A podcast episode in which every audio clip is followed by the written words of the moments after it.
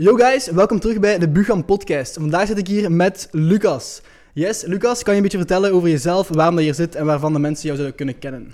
Ehm, waarvan de mensen mee zouden kunnen kennen. Ja. Eh, ik denk nog niet dat ze mee kennen. Eerder misschien van de producten of van het kledingmerk uh, Luas. Mhm. Ik, heb, eh, ik specialiseer in broeken, dus misschien dat ze het zo al een keer hebben zien passeren. Ja, ja, inderdaad. Want nu heb je al een aantal jaar je kledingmerk zeker? Tien maand. Tien maanden nog maar? Ja, ja, ja. Oké. Ja, het lijkt alsof het, eh, alsof al langer bestaat. Maar ehm, dus jij maakt vooral zo broeken in zo'n speciale soort tapijtstof, right? Ja, tapestry. Ja, ja, ja. ja. Eh, Ja. Dus doe dat nu tien maand. En waarom dat ik tapestry heb gekozen, dat is gewoon eh, een heel coole stof. En Mhm. als je zo met graphics werkt, je hebt ook een broek. Is dat gewoon... ja, ja, eh, ik heb er zelf ook in. Ja, we een paar op het screen smijten dat jullie wel snappen waarover we praten, dat het niet zo vaag klinkt. ja, ja, ja. Oké, maar dus waarom heb je tapestry gekozen eigenlijk? Want dat is zo, ja, best wel eh, niet normaal, zeg maar. De meeste mensen maken jeansbroeken of zo. Waarom maak je zo'n unieke, ja, speciale broek? Ehm, Supreme kwam, denk drie jaar geleden met de broek. Ehm, en ik wou die heel graag, maar die was 500 euro of zo. En toen was, ik, eh, toen was ik 17 en kon ik die niet betalen. Dus dacht ik van, ja, ik ga er gewoon zelf in proberen te maken. Ik heb een producent gevonden, heb ik een graphic gevonden. Ehm, en andere mensen vonden dat ook cool. Dus dan heb ik dat uitgebracht. En het is gewoon een heel comfortabele stof. En het is heel moeilijk, want als ik tegen mensen zeg van, het is echt mijn favoriete broek, dan klinkt dat logisch, want het is je eigen merk. Ja. Maar het is echt, het is echt zo. Mhm. Ehm, dus ja, daarom. Ja, ja, cool man. Ja, dat is ook een beetje de reden dat ik begonnen ben eigenlijk. Ik, ik vond zo Yeezy en al, en al die brands, Off-White en al Supreme, allemaal super nice brands. Maar ik had ook natuurlijk geen geld om zo ja, 500 euro voor een broek Ja. te spenden, zoals je zegt. Dus dan ben ik ook begonnen met mijn eigen stuff te maken. Ook Virgil had ook ooit zo gezegd van, make your own things, zeker, Ja, had ik zo gezien. Dus ja, inderdaad, mooie, mooie reden om gestart te zijn, man. Ja, Ja. Daarom, daarom vind ik het belangrijk als je zo in die eh, expensive winkels komt. Mhm. Zoals eh, Louis Vuitton of zelf een sneakerstore. En dan kom je zoals als jong gastje binnen, dan vaak word je buiten gekeken. Ik weet niet of jij dat ook hebt ervaren. Mhm. Ja, ik, denk het. dat er heel veel jongere mensen zijn die dat ook ervaren. Eh, omdat de verkopers zo weten van, die persoon gaat toch niet kopen. Maar als jonge persoon heb je dat wel nodig om inspiratie op te doen. En om dan bijvoorbeeld je eigen dingen te starten. Want als je er nooit mee in aanra- aanraking komt, zoals Yeezy of White, dan kan je ook nooit geïnspireerd raken. Mhm. Ik weet Ja. niet of jij dat ook zo eh, ervaren hebt. Ja, ja, ja, mooie woorden, man. Ja, inderdaad. Ik, ik snap precies wat je bedoelt. Maar daarom ben ik so- social media tegenwoordig wel een, ja, iets dat helpt daarvoor. Omdat je dan die coole brands ziet op je schermpje gewoon. Ja, ja, dat mensen jou niet buiten gaan kijken omdat je zo awkward gaat voelen omdat je er naar kijkt of omdat je het nice vindt of zo. klopt. Dus ja. Maar ik heb altijd gezegd, stel dat ik ooit een, merk be- eh, ooit een winkel begin, een fysieke winkel, Mhm. wil ik dat ze heel toegankelijk is. Beetje zoals de office hier. Dat je echt zo Ja. een soort thuisgevoel hebt. Dat mensen ook gewoon kunnen komen chillen en je producten cool vinden. Want stel, je hebt de kledingstuk van 200 en iemand van 16 vindt dat heel nice, maar kan het niet kopen. Misschien zal je elke verjaardag voor geld vragen aan zijn ouders, grootouders en ervoor sparen en dan op een gegeven punt wel kopen. Dus je hebt van die potentiële klanten dat je Mhm. eigenlijk als winkel of als merk eigenlijk ook moet behandelen als gewone Mhm. klanten. Ja, ja, ja. En je hebt al een beetje aangekaart dat je zo een aantal merken dat je cool vindt. Ehm, dus wat zijn zo de grootste inspiraties qua merken of qua personen, zeg maar, in jouw, voor jouw brand? Ehm, Kanye West, Yeezy, ja Mhm. ook. Eh, en dan favoriete merk, ik denk Louis Vuitton. Zeker toen dat Virgil, Virgil. Abloh ehm, creative director was. Dan heeft eh, Louis Vuitton wel een hele switch gemaakt, wat dan wel heeft eh, geïnspireerd. Ja, al die fashion shows. Ik weet niet als jij er naar kijkt. Eh, soms, soms eens. Ja. Ja, binnenkort is er een. Oké. En je bent ook in Parijs. Ja, dus, ja, ja, eh, precies. Maar het moeilijke vind ik, bij de fashion shows, ik was in januari ook. oké. En je vindt zo, en ik, ik was niet bij een fashion show, maar ik was in ja, ja, Parijs. ja, ja. En ehm, ik, je vindt dat zo moeilijk. Het is zo echt zo underground, je moet zo uitgenodigd worden of zo. Ja. Ik vind dat zo moeilijk om te vinden, toch? Ja, dat vroeg ik me ook al. Van, ik keek net op de agenda en het is de 21ste. En er staat dat om 8.30 uur is, die van Louis Vuitton. Ik wil echt heel graag naartoe, maar er staat ook niks van locatie. Ja, precies. Ik weet ook dat ik niet ga binnen geraken. Maar gewoon om daar buiten te staan en bekende Mhm. modellen of bekende mensen naar binnen zien gaan. Ja, ja. En dan de livestream buiten te kijken of zo. Maar het is heel... ja, maar ze daar echt zo geheimzinnig over Ja, altijd. Hè? Ja. Op zich maakt dat Het is ook ook wel cool. het is wel cool. Ja, ja, ja. Dus. Ehm, en je was onlangs op reis naar Amerika, of ehm, op studiereis. ja, studie. ja. ja. Eh, vertel een keer over de Amerika-ervaring. Eh, ik ben dus naar Chicago geweest voor vier maanden. Ehm, mede, ja, ik moest dus een locatie zoeken. Ehm, en de top 5 geven en Chicago stond bij mij op één. Mede door de ja, de mensen die de meeste invloed op mij hebben gehad op creatief vlak zijn Kanye West, Virgil Abloh, eh, Joe Freshgoods. En zij zijn alle drie uit Chicago. Mhm. Dus ik dacht van, ja, er moet daar iets zijn wat dat hun zo inspireert. Of die culture moet heel erg sterk aanwezig zijn. Dus ik wou het Mhm. ook ervaren. Nice man. En heb je het gevonden, het, eh, het eigenlijk inspirerende? Eigenlijk wel. Ja. Ehm, er zijn er zoveel creatieve mensen. Als ik bijvoorbeeld eh, daar op straat loop met mijn broek, dan vragen mensen van waar dat komt. En loop ik er hier mee rond, dan krijg ik meer rare blikken omdat het iets alternatiever is. Mhm. Maar daar staat die markt gewoon zoveel verder en dan voel je ook veel creatief vrijer. Mhm. Ja, dat wil ik vragen aan jou. Stel, vind je dat deze omgeving matcht met jouw creatieve Mm. brein of, of de vrijheid die je wil? Voor nu wel nog, Ja. maar ik heb ook wel het gevoel dat ik zo binnenkort een keer nieuwe omgevingen wil ontdekken, nieuwe invloeden wil in mij laten komen, zeg maar, nieuwe ervaringen en zo. Ja, klopt. Omdat ik ook gewoon nieuwe, meer, nieuwe, nieuwe, ja, zodat ik gewoon nieuwe dingen kan uitbrengen en zo, nieuwe ideeën kan hebben, Ja. nieuwe YouTube-video's en al. Eh, want inderdaad, het is wel leuk, Gent en zo, en ik vind, het, ja, ik vind België ook gewoon een leuk land om te starten, zeg maar. Maar ik ben niet van plan om hier altijd te blijven, zeker niet. Ja, die invloeden zijn wel belangrijk. Mhm. Als je bijvoorbeeld omringd bent met allemaal YouTubers of ondernemers, dan Ja, precies. ben je zelf ook gewoon Ja. geïnspireerd. En in België zijn er echt weinig. Ja, Ja. maar de markt is zich aan het ontwikkelen, maar als je er nu al bent, Mhm. ik denk ja, de dingen dat jij doet, dat dat veel jonge mensen inspireert. En dat Ja, dat wel een goede leeftijd is om, om je nu hier in de markt te bevinden. Maar dan voor mensen zoals jou zijn er lokaal, ja, ik weet niet wie dat er lokaal jou inspireert. Mm. Ik denk aan podcasters of... eh, niet zoveel, vooral mensen uit Amerika of Engeland. of ja, kijk, ja. dus. Ja, inderdaad. Maar ja, daarom maak ik ook deze podcast om zeg maar te proberen mensen te inspireren zo, en te, te proberen dat, dat zij ook iets gaan starten of zo en dat we misschien later samen kunnen werken of ja. Ja. gewoon elkaar kunnen beïnvloeden en al. En dat lijkt me wel echt heel nice dat, als, we- als we dat kunnen met deze Ja, podcast. dat is heel cool. Ja. Maar dus jij inspireert ja, jouw klanten of kijkers die Hm. iets jonger zijn. Wat is je doelgroep? Eh, mijn doelgroep is inderdaad iets jonger, zo tussen de 16 en 22 dacht Ja. ik, denk ik of zo. Zo mijn leeftijd ook een beetje, maar Ja, ook ja, vooral ja. iets jonger. Ja. Heb je ook het gevoel dat zij jou inspireren? Ehm, soms. Ik zou, ik zou het misschien iets meer willen zien, maar soms, ja, af en toe krijg ik wel een bericht van mensen die zeiden van, dankjewel, eh door jou heb ik een kledingmerk gestart of Ja. zoiets. En dan zie ik wel van, yes, ze zijn bezig en dat inspireert me ook wel van, Ja, ah yes, ja. ik was ooit ook die kleine guy. En om verder te zetten van, ja, als ik een paar mensen kan inspireren, kan ik ook meer mensen inspireren. En dan, ja, dat inspireert me vooral om verder te zetten. Nu ben ik ook heel hard aan het focussen op content en YouTube en zo, iets minder op mijn brand, wat dat op zich misschien niet zo slim is. Maar ik, vind ik volg gewoon een beetje mijn, mijn flow van, nu vind ik content echt heel nice, podcasts ook. Ehm, dus daar wil ik gewoon nu even heel hard op focussen en hopelijk, eh, ja, laat al zijn eh, vruchten achter, hoe dat, hoe dat ze het Ja, zeggen. ja, ja. Ehm, maar daarna, ik ga sowieso ook mijn brand blijven verder zetten en gewoon ja, blijven bezig blijven, I guess. Ja. Ja, heel cool. Ja, ik had Ja. gezien in die video met Everdrop. Ik weet niet wat dat hij zei. Dat dat heel cool was dat je zo Ja. financieel advies heeft. Ja, ja, ze hadden zo Dat, eh, geen entrepreneurs in de Ja, België waren. Dat is wel een heel mooi compliment. Zeker als van iemand zo, zo Ja, big is in de Ja, iemand die heel big maar- is in de game. Die inspireert me wel eigenlijk, nu dat je het zegt. Want hij heeft zo zijn Tout Bien gestart natuurlijk. Dat is ook ja, een big onderneming eigenlijk. Klopt. Hij ziet er niet echt uit als, een, als hij direct als een big ondernemer of zo, omdat hij zo entertainment content maakt en zo, en grappig is en zo. Maar hij is echt wel de biggest ondernemer van België. Als, je- als je daarnaar kijkt, hij maakt fucking nice YouTube-video's, fucking professioneel. En dan heeft hij zo eh, zijn merchandising, waar hij veel geld van verdient, zijn, zijn Tout Bien bier en Ja. zo. Hij is grote dingen aan het opbouwen. Hij is echt gewoon Klopt. crazy dingen aan het doen. Ja, en het is, Ja. ja. Het is gewoon voor amusement, maar toch als je dan dat kan blijven behouden en toch zo professioneel aanpakken, Mhm. dan... eh, Nou ja, chapeau naar die ja, man. ja, ja, ja, alle credits. En heb je nog zo een aantal stories van Amerika, dat je zo wilt meedelen met eh, de mensen? Ehm, Zoiets cools dat gebeurd is of zo? Ja. Ik dacht, heb je niet Joe Ja. ontmoet? hebben, heb ik ontmoet. Ja, dat is Heeft een van je grootste inspiraties. Ja, ja, ja. Nice. Hij heeft dus een store in eh, Chicago. Het is heel cool, het is een soort van office, maar het is Hm. ook open om daar te shoppen.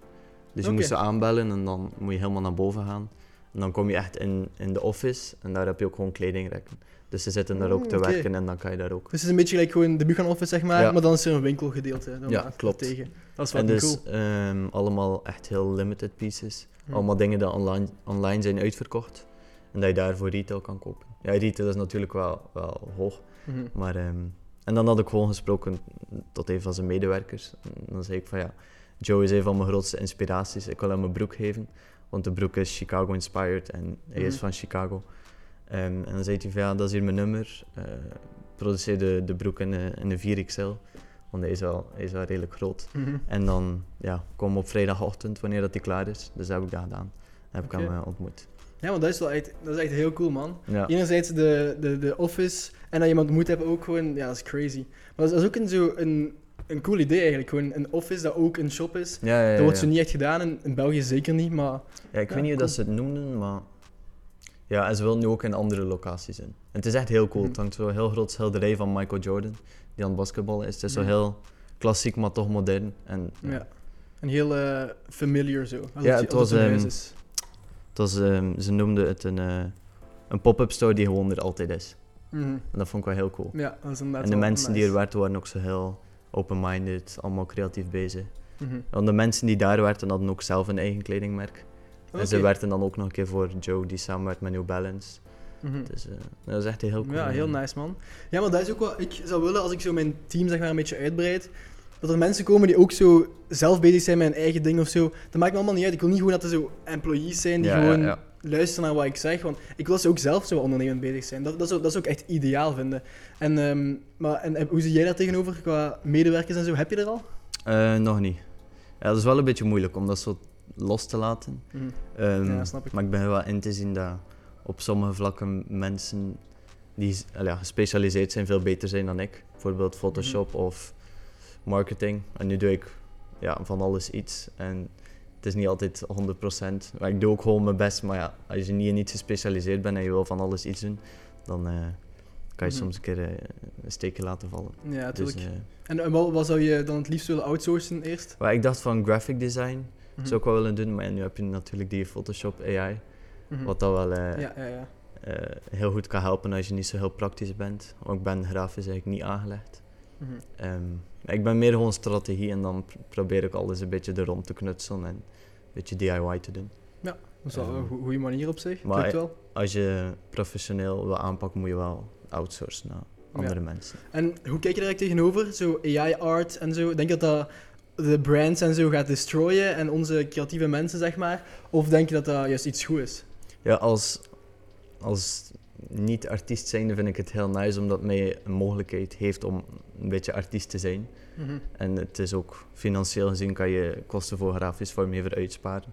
Maar het is natuurlijk wel heel jammer voor grafische vormgevers die daarvoor gestudeerd hebben en die daar eh, bijvoorbeeld fulltime een loon mee krijgen.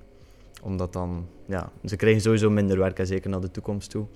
Denk je dat iedereen wel de mogelijkheid zal hebben om het zelf te doen. Mhm. Dus ja, voor de, voor En de denk markt. je, denk je dat dat iets wegneemt van zo de echtheid van een brand of zo? Of denk je dat dat Ja, sowieso. niet?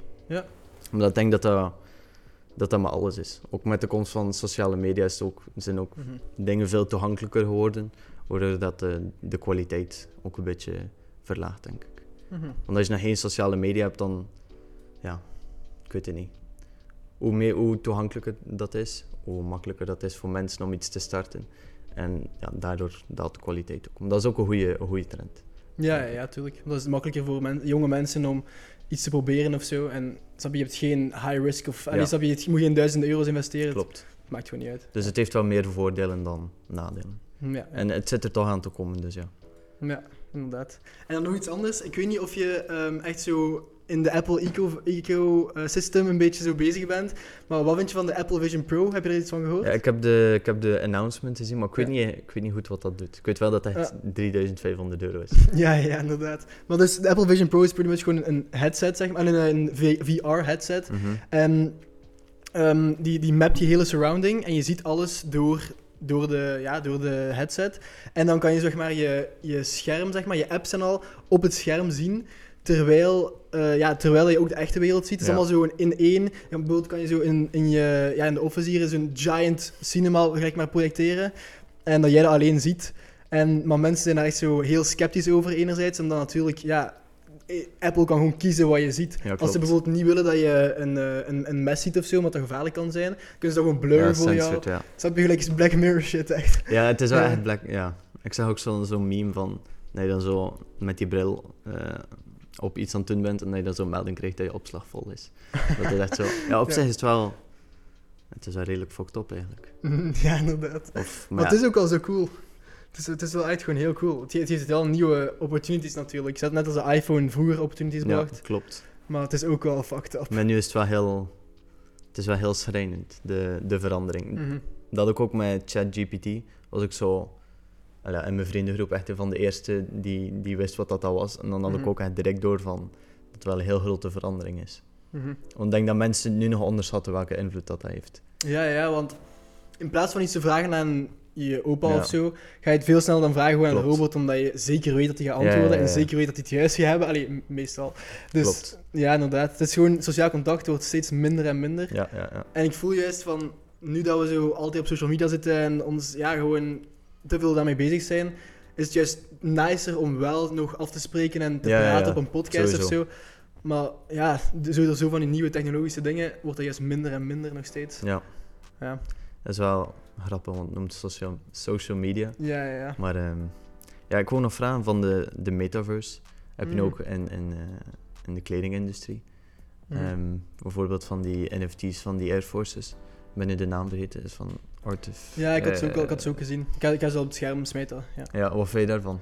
Of Ehm, denk je dat dat iets in de toekomst ook voor jouw merk kan zijn? Als ik heel eerlijk ben, geloof ik nog niet echt in NFT-hype en al en metaverse en al die stuff. Allee, het, het kan natuurlijk wel iets goed worden, maar tot nu toe was het vooral gewoon zoals scams en zo en quick Ja. money stuff. Klopt. Ehm, natuurlijk, als het echt zo nice wordt uitgebouwd en goed wordt gedaan door zo de, de big brands en zo, dan ga ik natuurlijk, als, allee, je, als dat de evolutie is, ga ik natuurlijk ook daarop springen. Ja. Maar tot nu toe denk ik niet per se dat dat... Ja, snap je, waarom zou je een, een digitaal paar schoenen kopen als je een real paar schoenen zou, kan kopen of zo? Ja. Ja, Ik sta er wel anders tegen. Ik, Ja? zie er wel, ik denk wel echt dat de toekomst is. Mhm. Als je bijvoorbeeld dan in games of zo het, eh, het, de digitale versie van je fysiek paar kan hebben. Mhm. En wel, dan heeft het op zich wel dezelfde value als je het nu hebt. Dan is het gewoon digitaal. Je hebt bijvoorbeeld die Fortnite skins. Als je dan bijvoorbeeld eh, een one-on-one hebt, dat super zeldzaam is. Mhm. Of je hebt het in, al ja, echt fysiek. Dan vraag ik me af wat dat verschil nog is. Ja, ja, inderdaad. Ja, daar heb je wel een punt. Zeker als we zo... Als we nog meer digitale levens gaan leiden, zeg Ja. maar, en zo avatars gaan hebben van onszelf, dan gaat dat waarschijnlijk inderdaad ook wel een grote rol spelen. Ja, maar dat is wel eng. Ik wil er ook niet te veel over Ja, ja, nadenken. ja. Want Ja, want op zich, waarvoor hebben we kleding? Niet per se om ons warm te houden of zo. We hebben dat puur gewoon voor zeg maar, status te tonen en te zeggen, Ja. te, tonen hoe cool dat we, of, ja, of, ja, dat we, dat we een coole stijl hebben of zo. Of ja, dat we die soort persoon zijn, zeg maar. Dus inderdaad, waarom zou dat in een game anders zijn of in een digitale wereld, Ja. inderdaad. ja, mensen zijn het is helemaal niet praktisch, maar ja. Ja, dat is ook niet waarom je kleren draagt. Ja, Ja. Dat is totaal het punt niet meer. Ja. Want veel mensen vragen aan mij van ja, verkoop je dan ook lange broeken in de zomer? En als mensen het product cool vinden, dan denken ze daar ook niet... Ja, een gedeelte denkt er wel over na, maar als er echt hype rond is, dan kopen mensen dat ook. Ja, ja, tuurlijk. Want een van mijn favoriete merken, of ja, het is nu een heel opkomend merk, en ze hebben zo, ja, dat moet je erin editen, Oké. is zo'n jas en het is zo'n keyboard. Ja, ik heb ze Heb het gezien. gezien? Ja, Die puffer? Ja. Ja, die is nu, wanneer was het, vorige week gedropt? Oké. Ja, is- nee, nee, nee, het is 500 euro of zo. Mm, Oké, oké. Eh, Maar die ging helemaal viral, hè? Die- ja, die- echt, ja. echt crazy. Ja. die zwarte was 500 en dan die witte, die zo original keyboard was 1000. Dus dan ik dacht van ja, Damn. wel heel cool. Mhm, Ja, ze droppen het in de zomer. Ehm, Ja, dus dat ja. is wel niet zo ideaal, man. Nee, Ja, ik is- drop ook een bodywarmer. Deze bodywarmer drop ik in de zomer. eh, wat op zich niet slims is misschien, maar ik wou het echt gewoon droppen, Ja. snap je? Dus dan doe ik het gewoon. maar als mensen dan kopen, dan weet je dat, dat ze het echt cool vinden. Ja, precies. Dus ook op zich, bij die, zo die summer night, wanneer het zo iets Ja, kouder klopt. is, kan een bodywarmer nog wel. Ja. klopt. klopt. Zou je jezelf beschouwen als, zeg maar, een sneakerhead? Ehm, dat is te zien dat je sneakerhead definieert. Gewoon een, iemand die echt obsessief is met sneakers en mee is met zo het nieuws en zo en weet van, ah ja, volgende week droppen die nieuwe uh, nu- of- Ja, nu echt niet meer. Nee. Zo een paar jaar geleden wel. Mhm. Ik was eerst begonnen met voetbalschoenen. Daar was ik echt helemaal obsessief door. Oké. Ehm, en dan sneakers. Maar nu, nee. Ik heb nu ook 20, 25 paar. Dus het is niet echt dat ik nog iets mis, waardoor dat je interesse ook minder is. Mhm. En ja, je, je interesses eh, ja, worden gewoon verlegd. Dat heb ik ook als ik nu, dat ik nu mijn eigen kleding maak, draag ik ook meestal mijn eigen kleding. En dan Mhm. kijk ik ook veel minder naar andere merken. Ja, precies. Ik koop gewoon nooit meer nieuwe kleding. Ja, want ik maak kan- het gewoon zelf. Ja, het is in de meeste gevallen ook gewoon goedkoper. En je maakt gewoon... Ik Mhm. maak dingen voor mezelf, wat ik cool vind. En dan andere mensen kopen het. Dus ik maak gewoon de dingen wat ik zelf cool vind. Dus waarom zou ik bij iemand anders kopen? Tenzij dat zo'n independent merk is, dat ik echt denk van... dat is echt cool en dat wil je dat supporten, Mhm. dan doe ik het wel. Maar ja, dus nu zou ik mezelf niet meer zien als een sneakerhead. Ja, ja, oké. En ben je ook ooit van plan om je eigen sneaker misschien te maken? Ja, ik, ja, ik heb hem mee zelf. Heb je, heb je een sneaker mee? Ja, ja, ja. Oké, show man, sowieso. Wacht, ik ga ze aan jou geven. Yes. Maar het is dus, het is dus wel Crazy. een sample, ehm, maar ik ga ze ook niet uitbrengen. Want Mhm. ik vind niet dat het echt matcht met mijn merkidentiteit, maar ik vind ze wel heel cool voor mezelf. Mhm. Dus waarschijnlijk maak ik nog een betere sample, want het leer is niet echt zo heel nice. En ook omdat je zo die, die strap hier hebt, zijn die creases heel, helemaal anders dan een... Mhm. Kijk, wacht hè. Ik weet niet het kan zien. Ja, het is zo meer verticaal. Ja, Maar het is wel cool om je om ja het is echt super sick. Ook, Ja. ook de, de details hier zo. Ja, ja, ja. ja. Tappy. Ja, dat staat ook Ja. op, op eh, de achterkant van de, van de broek. Dus eh, ja, het zijn allemaal referenties. Mhm, En hier is de Ehm. Statue of Liberty. Ja, ja, ja. Ja, nice man. Dus ja, het was wel het idee, want ik ben, aan dit design ben ik echt al, eh, al lang bezig. Oké. En hier Ehm. zelfs nog details. Ja, ja, dat is Virgil. Virgil in Paris. Mhm. Alright man. Oké, Ehm, damn. dus ik dacht van ja, ik moet gewoon een keer de sample maken en dat ik gewoon kan zeggen, ik heb mijn eigen schoen. Ehm, maar ik had dat meegenomen dat sneaker is.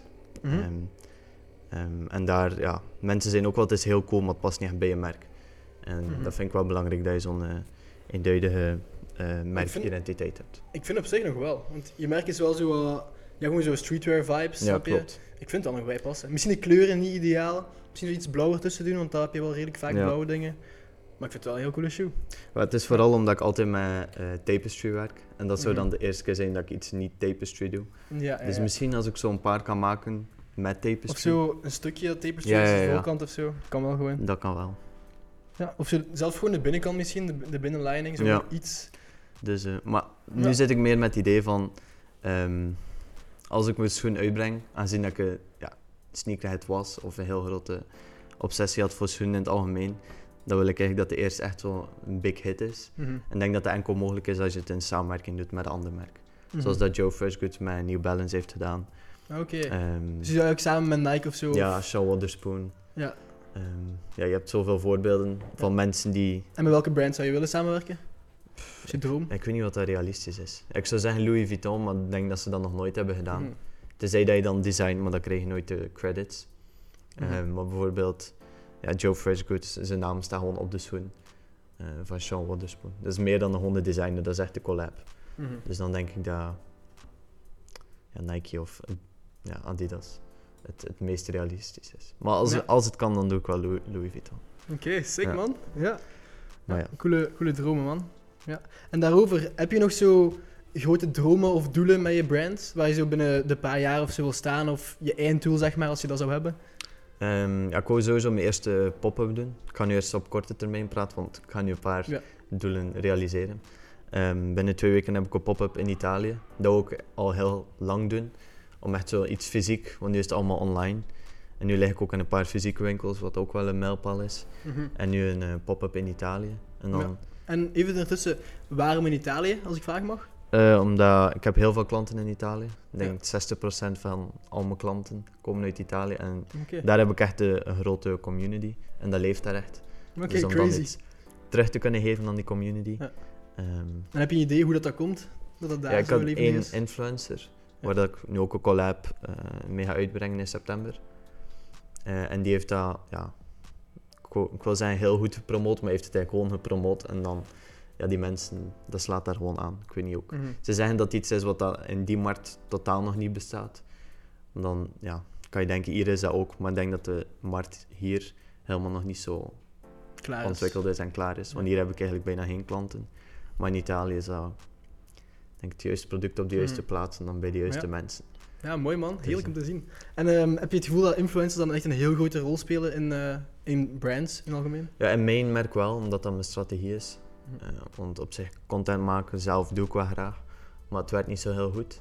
Mhm. Of ja, het werd, ik moet er meer tijd in investeren en dat geduld heb ik er niet voor. Dus dan besteed ik het liever uit aan influencers die dat professioneel doen.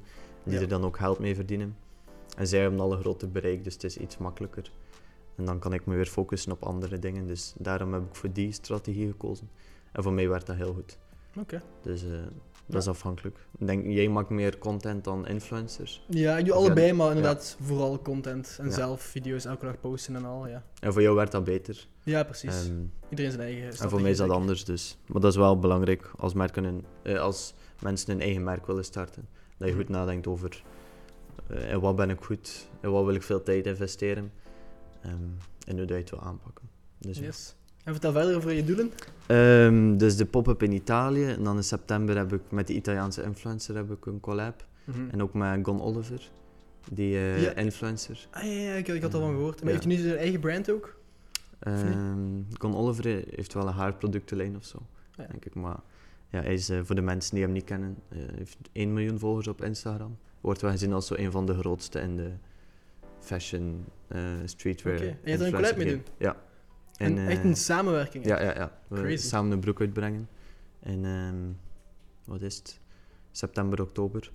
Ehm, en ondertussen doe ik ook sneakerness. Kan ik misschien later nog iets over zeggen. Mhm. Ik heb nu sneakerness, dus is streetwear lifestyle beurs in Amsterdam gedaan. Dan 1 september is Parijs en dan eh, Milaan in oktober.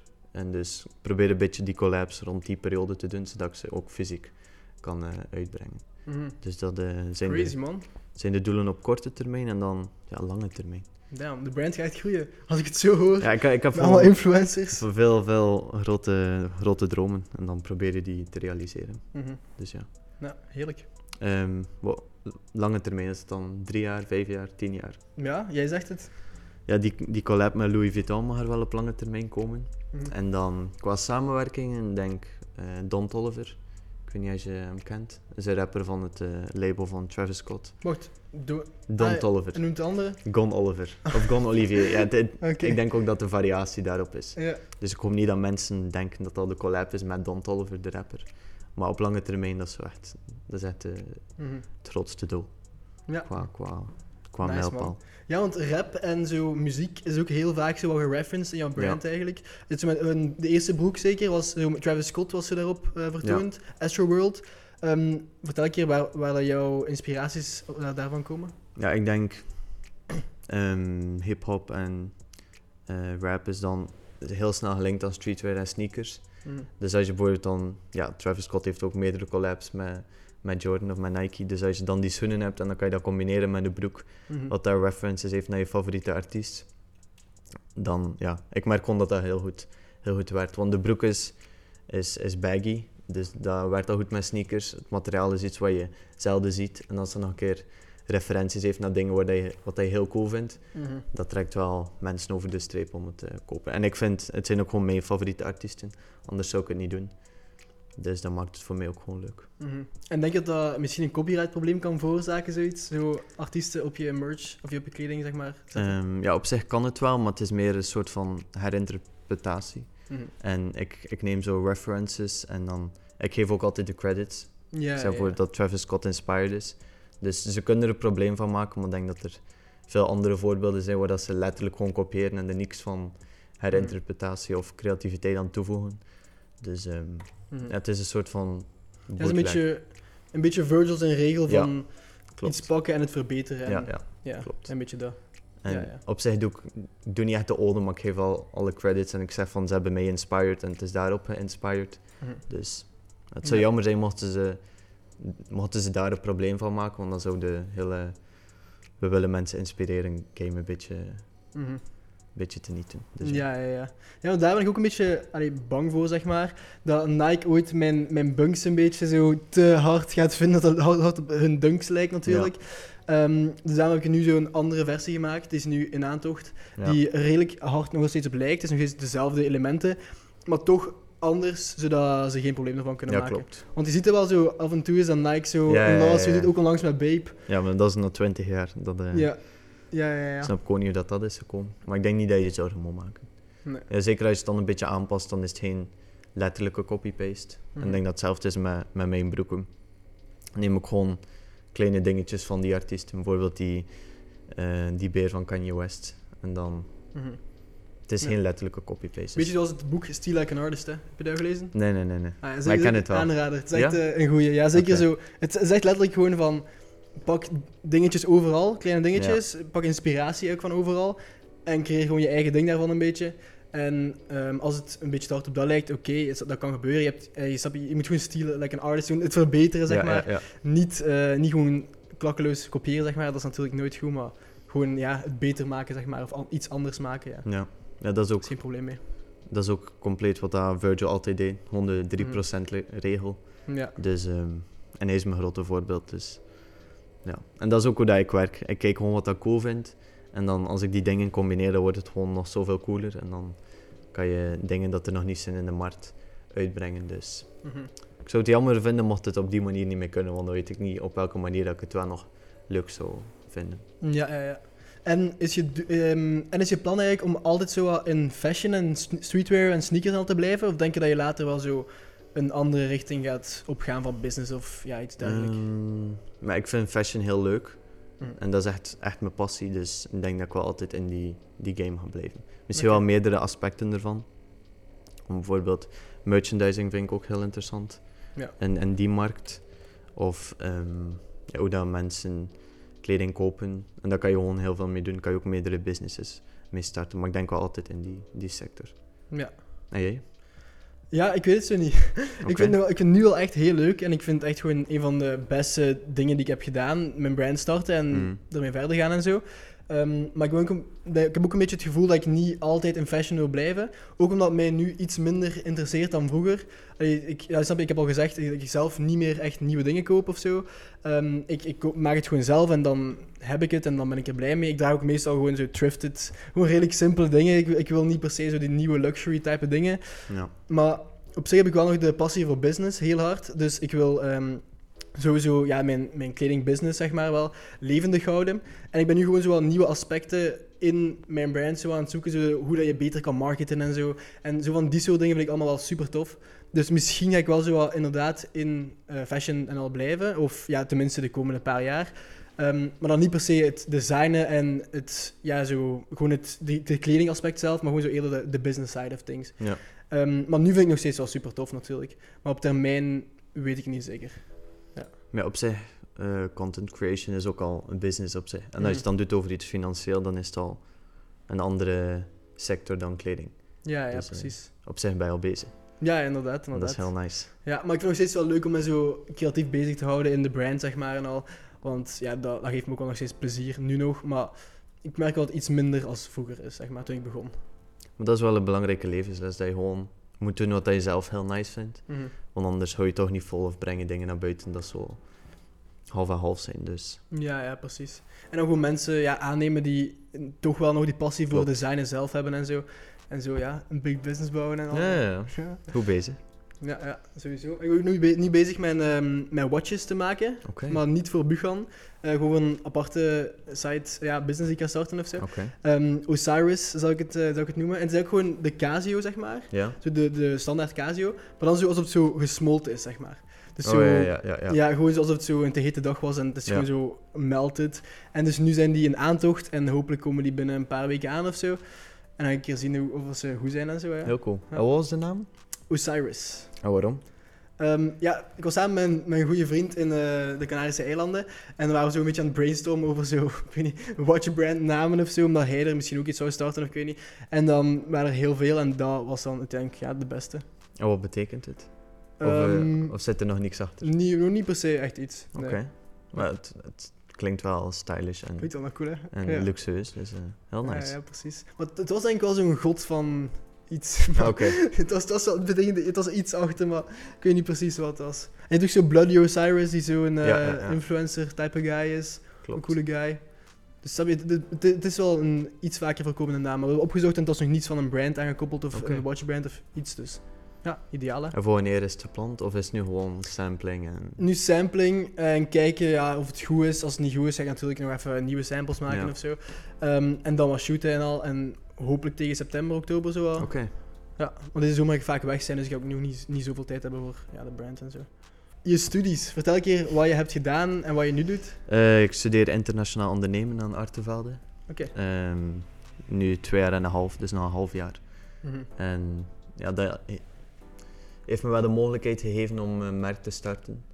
Meer zo een klein duwtje in de rug dat er gewoon veel mogelijkheid was. En dat er ook veel mensen zijn die het ook doen. En als je dan omringd bent door student-ondernemers, Mhm. dan zie je dat het mogelijk is om ook iets te starten. Mhm. Dus, eh, en de studie is er, eh, de dingen die je ziet, kom ik ook tegen in mijn eigen merk. Dus Oké, eh, ja. ja. dat is wel handig. Ja, ja, Mhm. En zijn, zijn er ook mensen zo in jouw studierichting die zo iets gelijkaardig doen? Niet per se een merk, maar ook een onderneming? Ehm, ja, je hebt wel zo iemand die massageolie doet. Van die, van die massieve blokken. Als je het dan over je, licha- over je lichaam wrijft, door de lichaamstemperatuur smelt het dan. Oké. En je hebt uh, Eunice van Unfading. Ah, die is ook in jouw Ja, ja. richting? Je hebt Ah, zo oké. ID Factory van Artevelde. En dat is een soort ondernemingsafdeling. En die doen de boekhouding. Je kan daar coaching sessies volgen. Mm, Eh. Oké, dus je, moet geen, je hebt geen aparte boekhouder, zo'n op school? Ja, ja. Ah, Oké, dat is echt handig. Ja, anders, is, anders is dat pittig duur. Ja, ja, ja. In februari studeer ik af, dus dan, eh, dan moet ik er ook aan geloven. Maar nu is het wel, ja, je wordt wel goed ondersteund. En als je veel coaching nodig hebt, dan kan je dat ook volgen. Mhm. Ehm, en ik weet dat Younes daarbij zit. En dan, ja, er zijn wel veel student-ondernemers. Ehm, en ze doen ook veel van die talks of van die Mhm. eh, momenten dat ze samenkomen. En daar ga ik niet zo heel veel naartoe. Maar ik denk als je dat nodig hebt, dat dat wel heel, heel nice is. Mhm. Oké, nice. Dus je hebt wel het gevoel dat je, je studie jou iets bijgebracht heeft, zeg maar. Dat nuttig was. Ehm, ja, in het begin voor dat duwtje in de rug wel, maar om nu te combineren vind ik het wel heel moeilijk. Want op zich, de dingen dat ik nu zie, heb ik eigenlijk al heel lang geleden in mijn eigen merk ondervonden. En nu is de meerwaarde van een merk of van een diploma in het algemeen toch wel redelijk gedaald. Dus, maar ja, nu, ja, als ik al zo ver ben, dan maak ik best mijn studie af. Ja, ja. Maar de dingen, ik heb niet echt het gevoel dat ik nu nog heel veel bijleer, wat dat echt meerwaarde heeft aan mijn, aan mijn toekomst. Dus heb je het gevoel dat je eigenlijk meer hebt geleerd door gewoon zo wat te doen dan door je studie? Ja, sowieso. Ja. Ja. Maar dat kan je ook enkel weten als je studie doet. Ja, natuurlijk. Dus ehm, ja, ik heb zeker geen, geen spijt dat ik het heb gedaan. Mhm. Maar nu is het wel een beetje moeilijk om te combineren. Dus het is goed dat het bijna gedaan is. Ja, oké. Ja, nice. En proficiat dat bijna Ja, door de examens goed gaan en zo? ja, ja, ja. ja, dat weet ik nog niet. Ik heb ze net afgelegd. Ah, ja. Maar Ehm, ik had je denk ik ooit horen zeggen dat je misschien naar Italië zou verhuizen en daar zo even wonen. Is dat nog altijd een plan? Of, ja, ik vind die cultuur ook gewoon heel nice. Sowieso Ja. Italië, Spanje, die warmere temperaturen en meer Ja. die, die ja, lossere manier van, van leven. Mhm. Eh, en als mijn doelgroep daar ook nog een keer zit, dan, dan zou dat een ideale combinatie zijn. Dus ik ben wel nu benieuwd naar die eerste pop-up, hoe dat die community daar is, hoe dat mensen daar, wat dat hun beeld is over fashion. En eh, als ik mezelf daar zou zien wonen. Want ik zei ook dat ik ooit naar New York of zo wou verhuizen. Maar na één week in Chicago dacht ik al van, eh, Nee? dat wordt hem niet. Ja, Nee, het is gewoon de cultuur vind ik gewoon Aha. niet zo nice. Het is niet zo verfijnd en al ja, bijvoorbeeld de, heel, heel de sneaker culture en al de creatieve mensen zijn wel nice, maar ik zou er nooit kunnen, kunnen wonen. Dus dat wordt nog zien hoe dat in, eh, in Italië is.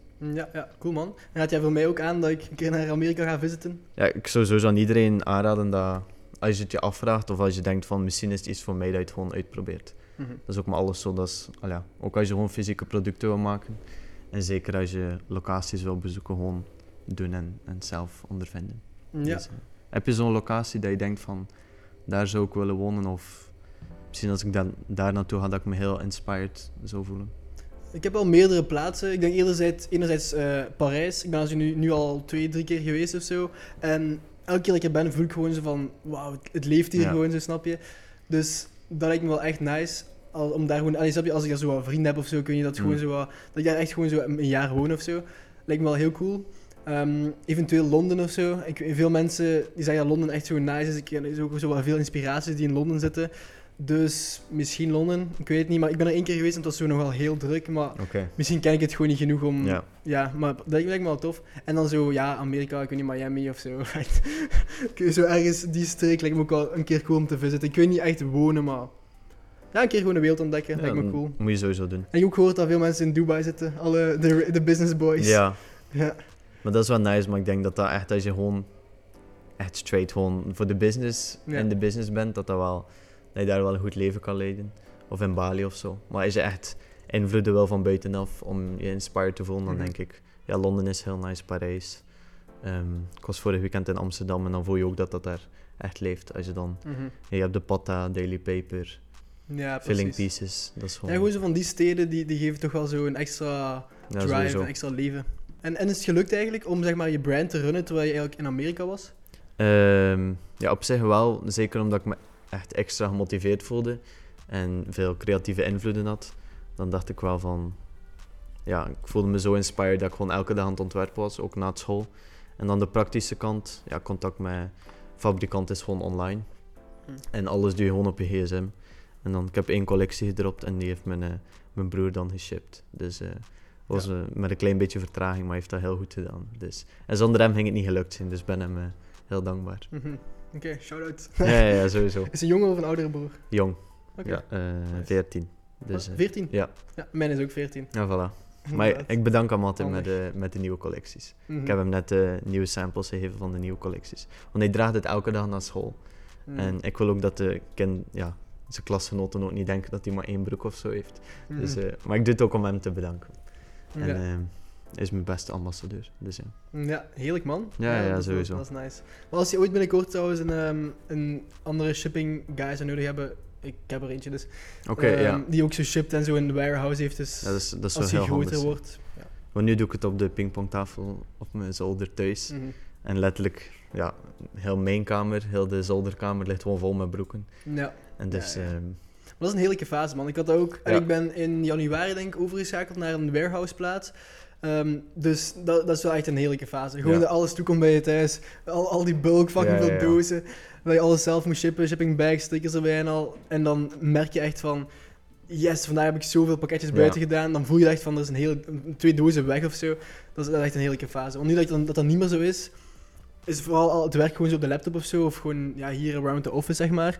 En ehm, niet meer zelf inpakken. En dat voelt iets minder hard als werk, zeg maar. ja. Terwijl inpakken voelt echt zo van, ah, grind. Dus geniet ervan, man. Dat is echt ja, een heerlijke fase. ja, ik vind het wel leuk. Want ik ken ook als ik dan al die shipping labels zie en Mhm. uitprint en dan ehm, op de pakketjes kleef, dan, ja, je begint ook de namen van de klanten te kennen. Mhm. En als ze dan een DM sturen, dan weet je ook wie dat is of wat dat ze hebben besteld. Ja, ja, ja. Ehm, dus het heeft ook wel heel veel leuke aspecten. Maar natuurlijk, als je het dan outsourced, dan kan je die tijd en energie weer gebruiken voor iets anders. Ja, precies. Dus, eh, maar nu dat nog kan, dan eh, ik doe het graag eh, Mhm.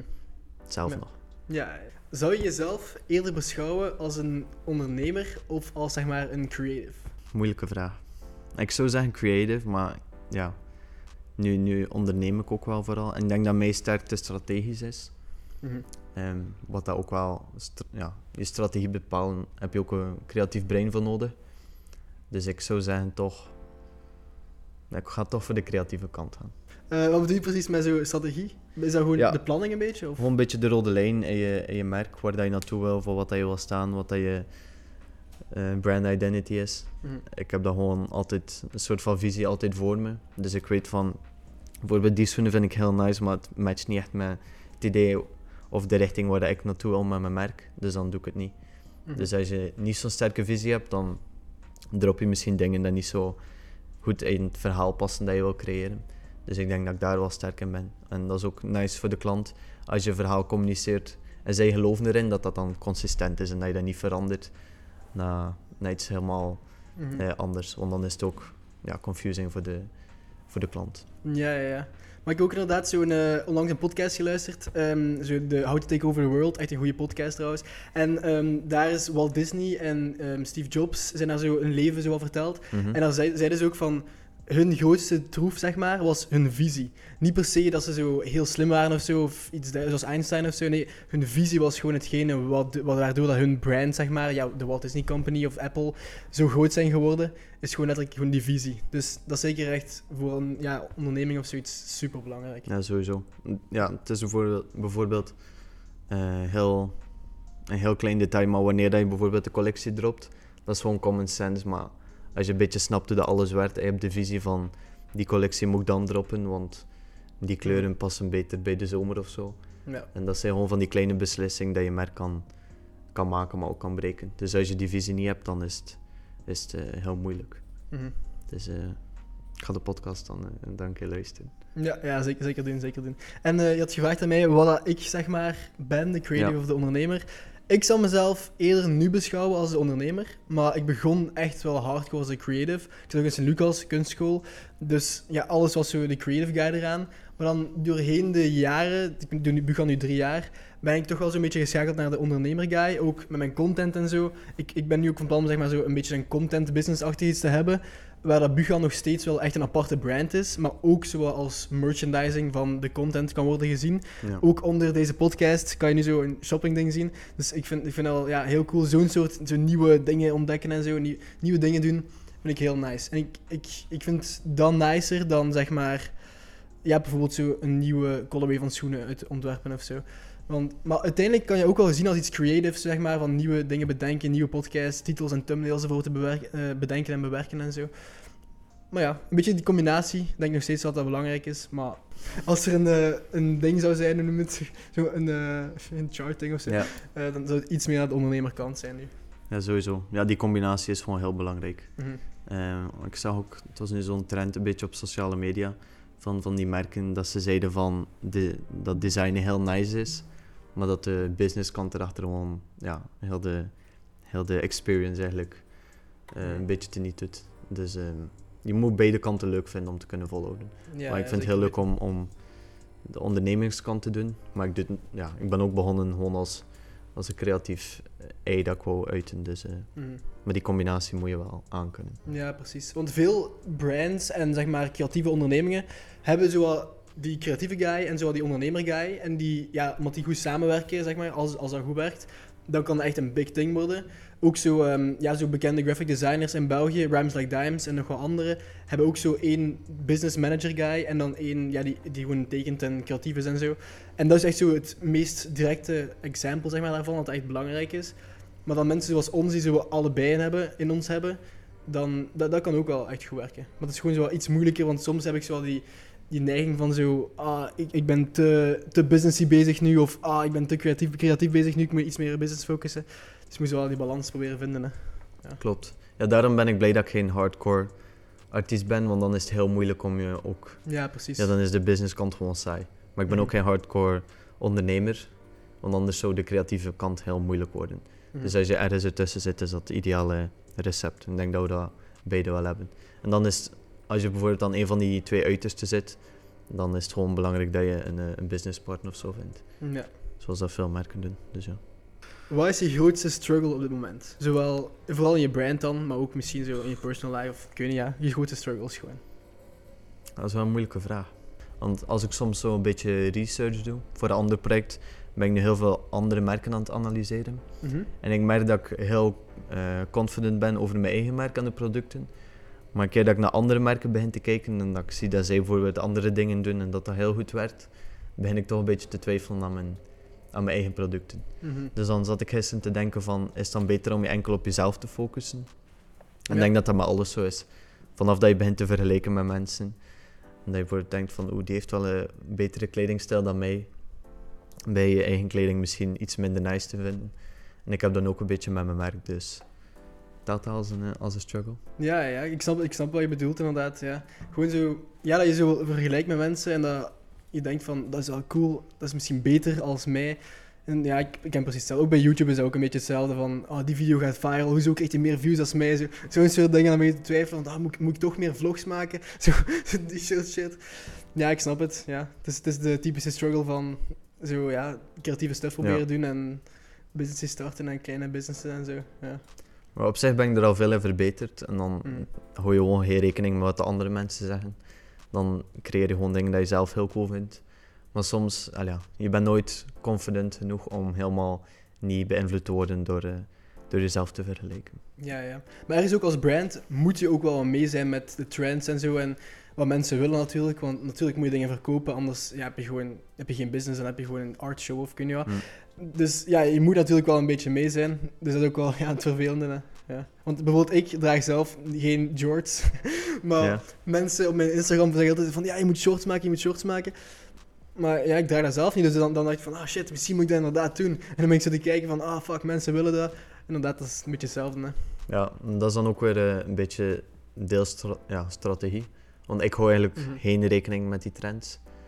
Ik eh, focus gewoon... Ik probeer nu mijn eigen trend te creëren. Wat dat Mhm. wel grappig is, want je zei hier van... Er staat tappie op. Ja, Eh, tappie verwijst dus naar de, naar de stof, tapestry. Maar als je het zo schrijft in het Nederlands, ehm, wil het eigenlijk zeggen dat je dronken bent. Dus eigenlijk was het een soort van inside joke tussen eh, ik en mijn vrienden. En ik dacht van ik zet er gewoon tappie op tussen die, tussen die haakjes, wat daar verwijst naar de uitspraak. Maar als je nu tappie opzoekt, dan kom je op mijn site. Of tappie pens en mensen noemen het ook gewoon tappies of tappie clothing. Mhm. Ehm, dus probeer ik een beetje zo mijn eigen trend te creëren. Ja. Dus op zich moet ik eigenlijk nooit vergelijken. Eh, maar als je bijvoorbeeld, ja, jouw strategie is meer, misschien ook omdat het iets jongere doelgroep is, dus een beetje op die trends inspelen. Ja, ja. Ehm, wat hij heel goed doet trouwens. Ehm, dus dan moet je wel een beetje vergelijken. Dus snap ik wel dat dat iets moeilijker is Mhm. dan, eh, dan ja, als je met een strategie als ik werk. Ja, ja.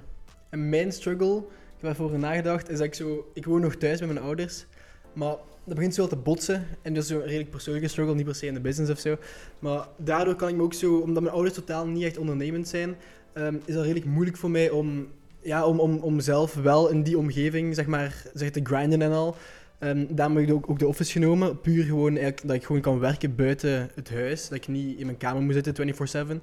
Ehm, dus, dus dat is nog steeds wel een beetje een struggle dat ik gewoon thuis woon. Ik zou me liefst willen om, omringen met gewoon zo zeg maar andere creatives, ondernemers. eh, gewoon heel de tijd, ook gewoon samenwonen met hun.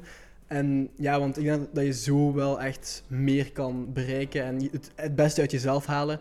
Ehm, beter dan als je echt, ja, als je gewoon thuis zit nog steeds. Klopt. Maar je hebt nu al de eerste stap gezet. Yep, inderdaad. Dus, eh, Want jij woont nog steeds thuis of niet meer? Ja, ik heb nu... Ik zat op kot en dan ging ik het weekend naar huis. En Mhm. dan, ja, Chicago was volledige vrijheid. Ja. Eh, En hoe nu- was dat? Ja, heel nice. Ja. Het, ja, het is wel de next step en je moet ook... Ja, mensen onderschatten het, maar als je drie maaltijden per dag voor jezelf moet voorzien, Mhm. dat is echt, ja, dat is echt underrated. Ja, ja, ja. Ehm, dus dat zijn allemaal van die dingen dat je wel moet leren en soms maak je wel kleine foto's of ja, vergeet je eten naar huis te halen bijvoorbeeld. Mhm. Maar dat zijn allemaal dingen dat je enkel kan leren door te doen. Dus het is allemaal, eh, en dat vind ik het mooie aan. Dus het was, eh, op dat vlak was het een heel mooie ervaring. Mhm. Heerlijk, man. Ja. Heb je plan om binnenkort een keer uit huis te gaan? Of? Ja, binnenkort verhuis ik naar een eh, appartement in, eh, in Gent. Omdat ik het moeilijk vond om van volledige vrijheid, en zeker in een andere cultuur, Mhm. terug te stappen naar thuis wonen. En nu is het een, eh, ja, zo goed als volledige vrijheid, maar dan terug in eigen land. Ja, heerlijk. En dan kan ik ook altijd aan mijn merk werken. En, En waarom in Gent? En niet, want je, komt van Brugge zeker? ja, Waarom in Gent dan? ja, ik vind de stad is iets. Voor de kledingstijl hier staat veel verder dan waar dan, waarvan dat ik kom. Dus allemaal die dingen. En waarom Eh, niet dan Antwerpen of Brussel? Ik ben daar niet zo bekend mee. Hm. En ik heb hier op kot gezeten. Ik moet ook nog mijn stage doen, wat ik in mijn eigen bedrijf doe. Maar wel soms nog een keer naar school. Ik zit hier ook op school. Ehm, ik vind het gewoon een leuke stad. Dus, en het is ook maar voor een jaartje of voor zes maanden zelf. Want als ik afstudeer, kan ik het onderverhu onderverhuren eventueel. Nou ja. Dus ja, zoals je zei, gewoon een beetje verschillende locaties uittesten. Mhm. Ja, natuurlijk. eh, daarna wordt het wel weer iets anders. Vertel een keer over eh sneakerness. Wat, is dat precies? Eh Sneaker is dus een eh, sneakerbeurs en lifestylebeurs in Europa, grootste van Europa.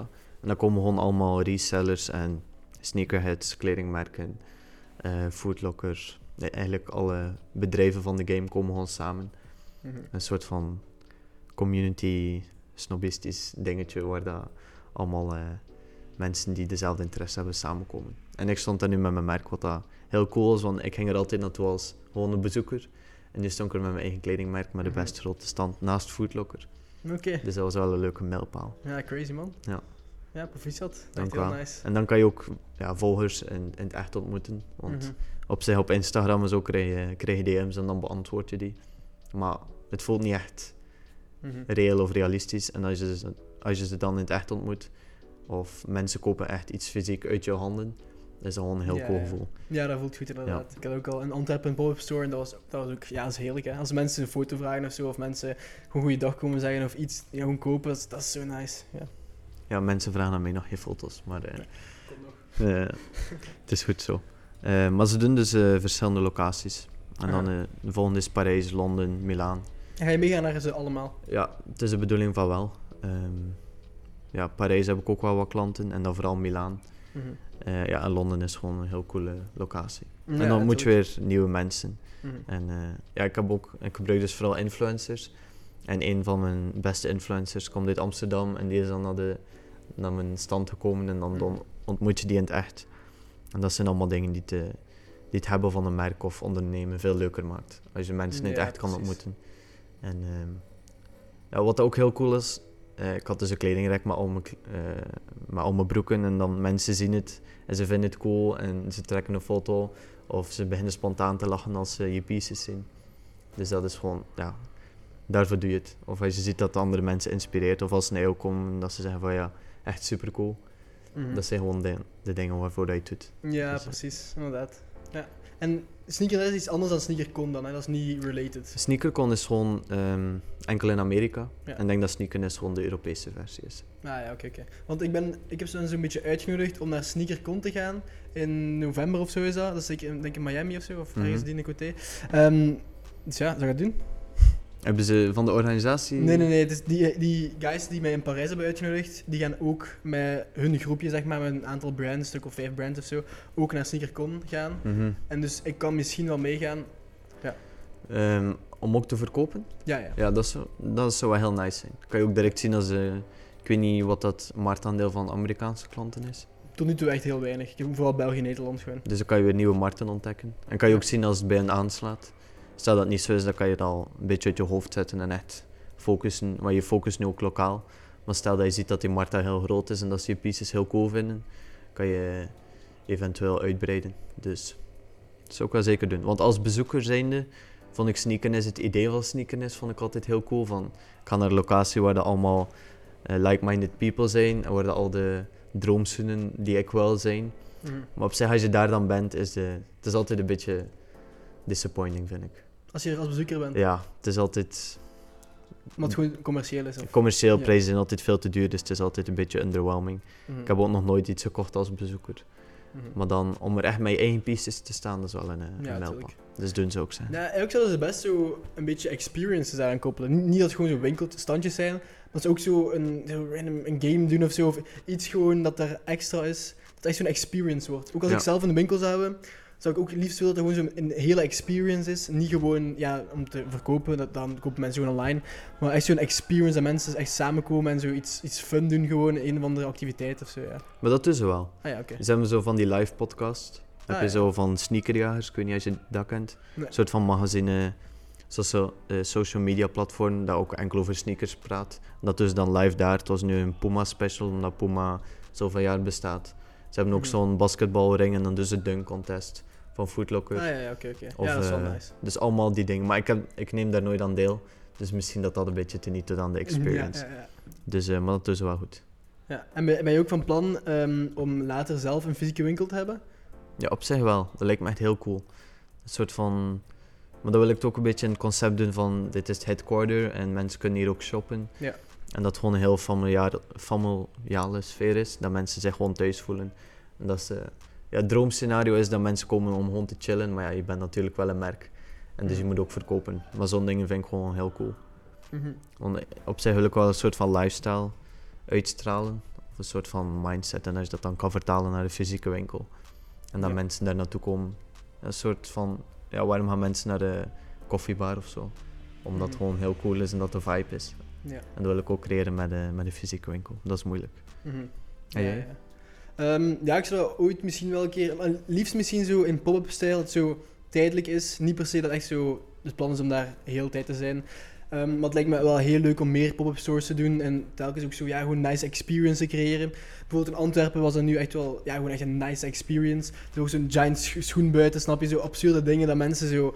Zo van, wow, snap je? Zo'n beetje excitement in het leven brengt.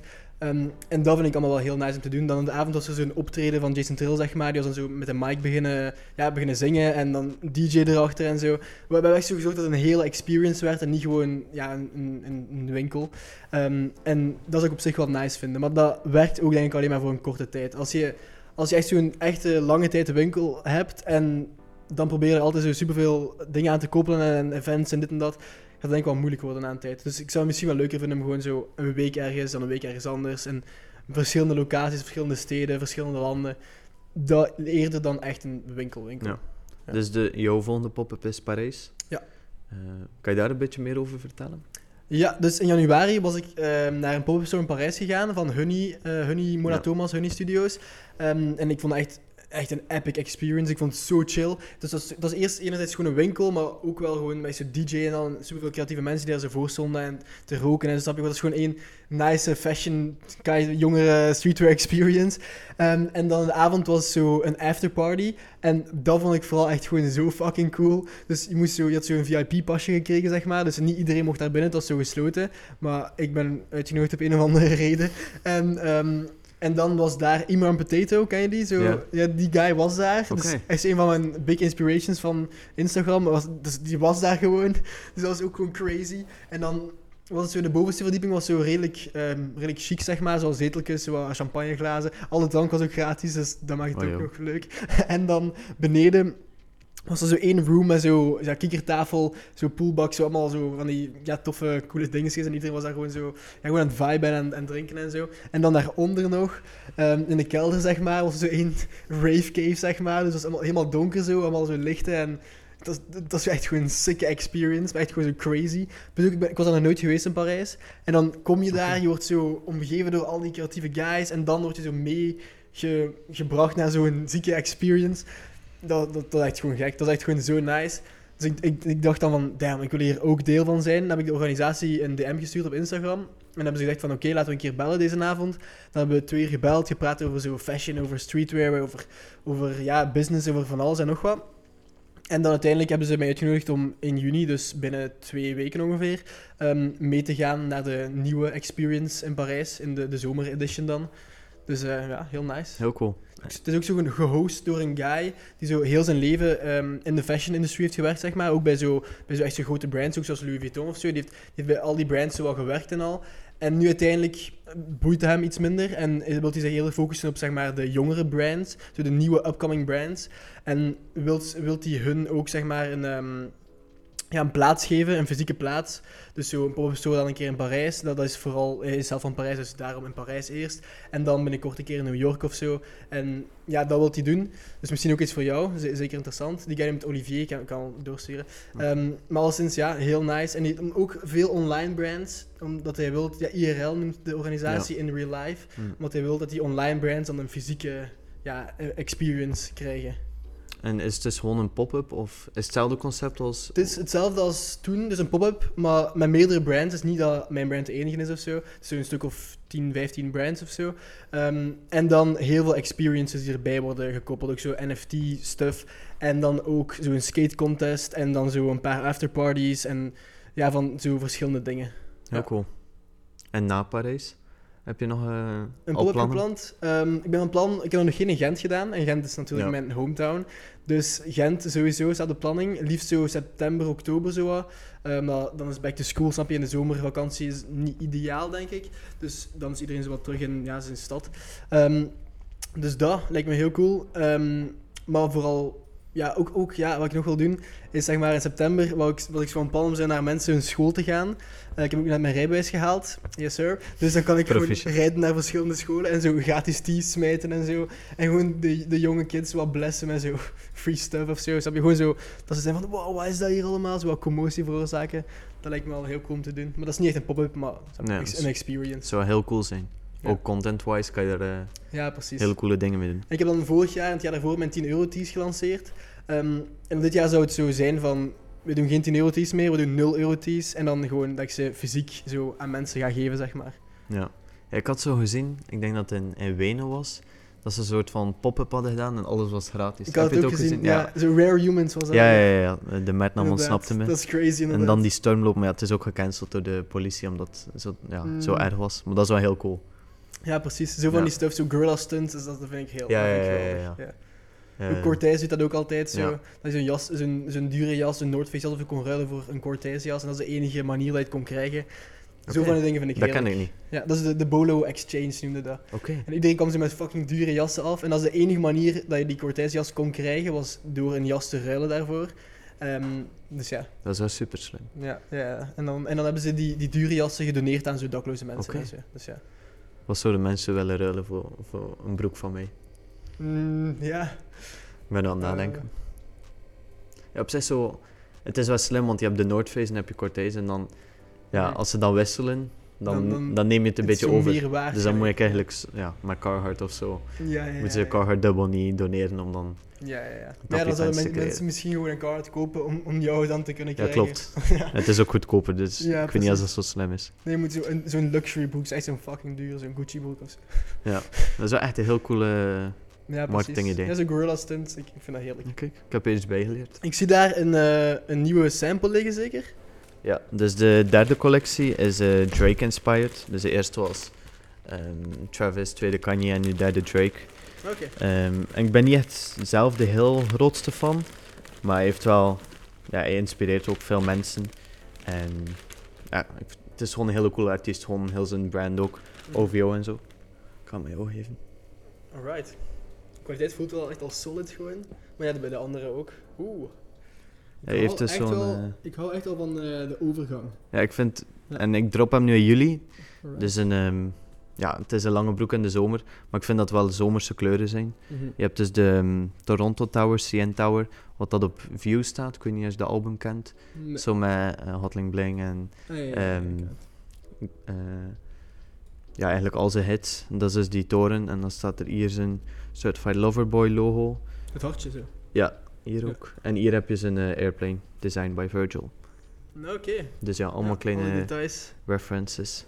Ja, dope Eh, man. En die had ook exclusief eerst beschikbaar zijn in Italië op de pop-up. Mhm. 30 paar. Een soort van lokmiddel om de... Ja, niet echt een lokmiddel, maar het is ook iets cool om de, de mensen die komen dan iets eh, exclusief te geven. Mhm. Ehm, en dan drop ik ze in juli, na de shows. Ja, Dus ja. nice man. En wat, wat staat op de short? Dat is Firenze. Ja, zeker? Firenze. Ja, Eh, ook- Ook omdat je audience van Italië vooral is. ja, ik wou dus een show doen en ik dacht... Ja, Italy inspired. En ja, ik zag die foto dat is gewoon een hele coole foto. Het is niet echt streetwear inspired, maar het is wel... Gewoon een mooi Ja, die, ja, de aesthetic is ook gewoon belangrijk. Mhm. Dus, maar daar heb ik ook geen volledige collectie rond gebouwd. Ook niet echt veel marketing. Ik ga hem gewoon droppen. Gewoon Mhm. voor de mensen die het echt cool vinden of mooi vinden. Kunt dan kopen. Maar bijvoorbeeld voor die dan doe ik er veel storytelling rond en marketing en zo. Dus Mhm. ja. Ja. En nu doe je alleen maar broeken en nu ook een short. Ben je van plan om binnenkort zo een jas of een hoodie of iets uit te brengen? Eigenlijk niet, want de visie is dat ehm, veel kledingstijlen zijn gebaseerd op een neutral broek. En dan iets drukker bovenste. En ik wil het eigenlijk een beetje eh, switchen. Dat is de broek heel Mhm. graphic en druk is en dat je dan een basic tee of een basic hoodie hebt. Ehm, dus misschien ik wel dat doe. Ehm, basic tees, basic hoodies en tapestry. Maar ik denk dat er veel andere merken zijn die die, die rol beter kunnen invullen. Zoals bijvoorbeeld jouw Essential hoodies of, of andere merken. Mhm. Dus ehm, op Ja. zich niet. Ja, ja. En mensen beginnen mij ook een beetje te vergelijken met Jaded London. Ik weet niet of je dat kent. Ja, ja, en die zijn ook bekend geworden door hun broeken. Mhm. Dus ehm, een soort van... Ja, het is heel niche. Maar als mensen dan een coole broek willen, of ze willen iets anders dan een neutral broek, dan kunnen ze naar mij komen. Dus dat is een beetje het, eh, het Mhm. idee. Ja, cool man. En je had, ook, eh, je had mij een keer gebeld onlangs voor zeg maar, een, een nieuwe business zeg maar, te starten. Kan je misschien daar iets over vertellen? Ehm, ja, ik heb dat niet besproken met mijn businesspartner als ik dat allemaal mag delen. Maar het is dus gewoon... Je hebt dus Zalando en Zalando brengt allemaal merken samen. Het is eigenlijk voor mensen die vooral ook inspiratie willen opdoen. Of niet echt een favoriet merk hebben. En dan ga je naar Zalando, heb je Tommy Hilfiger, Adidas en dan zie je gewoon de bestsellers. Ehm, maar ik merk dat heel veel mensen willen wegstappen van die fast fashion. En dan ga je al sneller naar independent merken die meestal wel sustainable zijn. Dus dan wil ik een soort van site maken dat dat allemaal samenvoegt. En ook pre-made fits. Dat je een soort van outfits hebt, eh, enkel van independent merken. Zodat het veel toegankelijker wordt, ook voor mensen die willen wegstappen van fast fashion. Om naar independent eh, merken over te stappen en dat te kopen.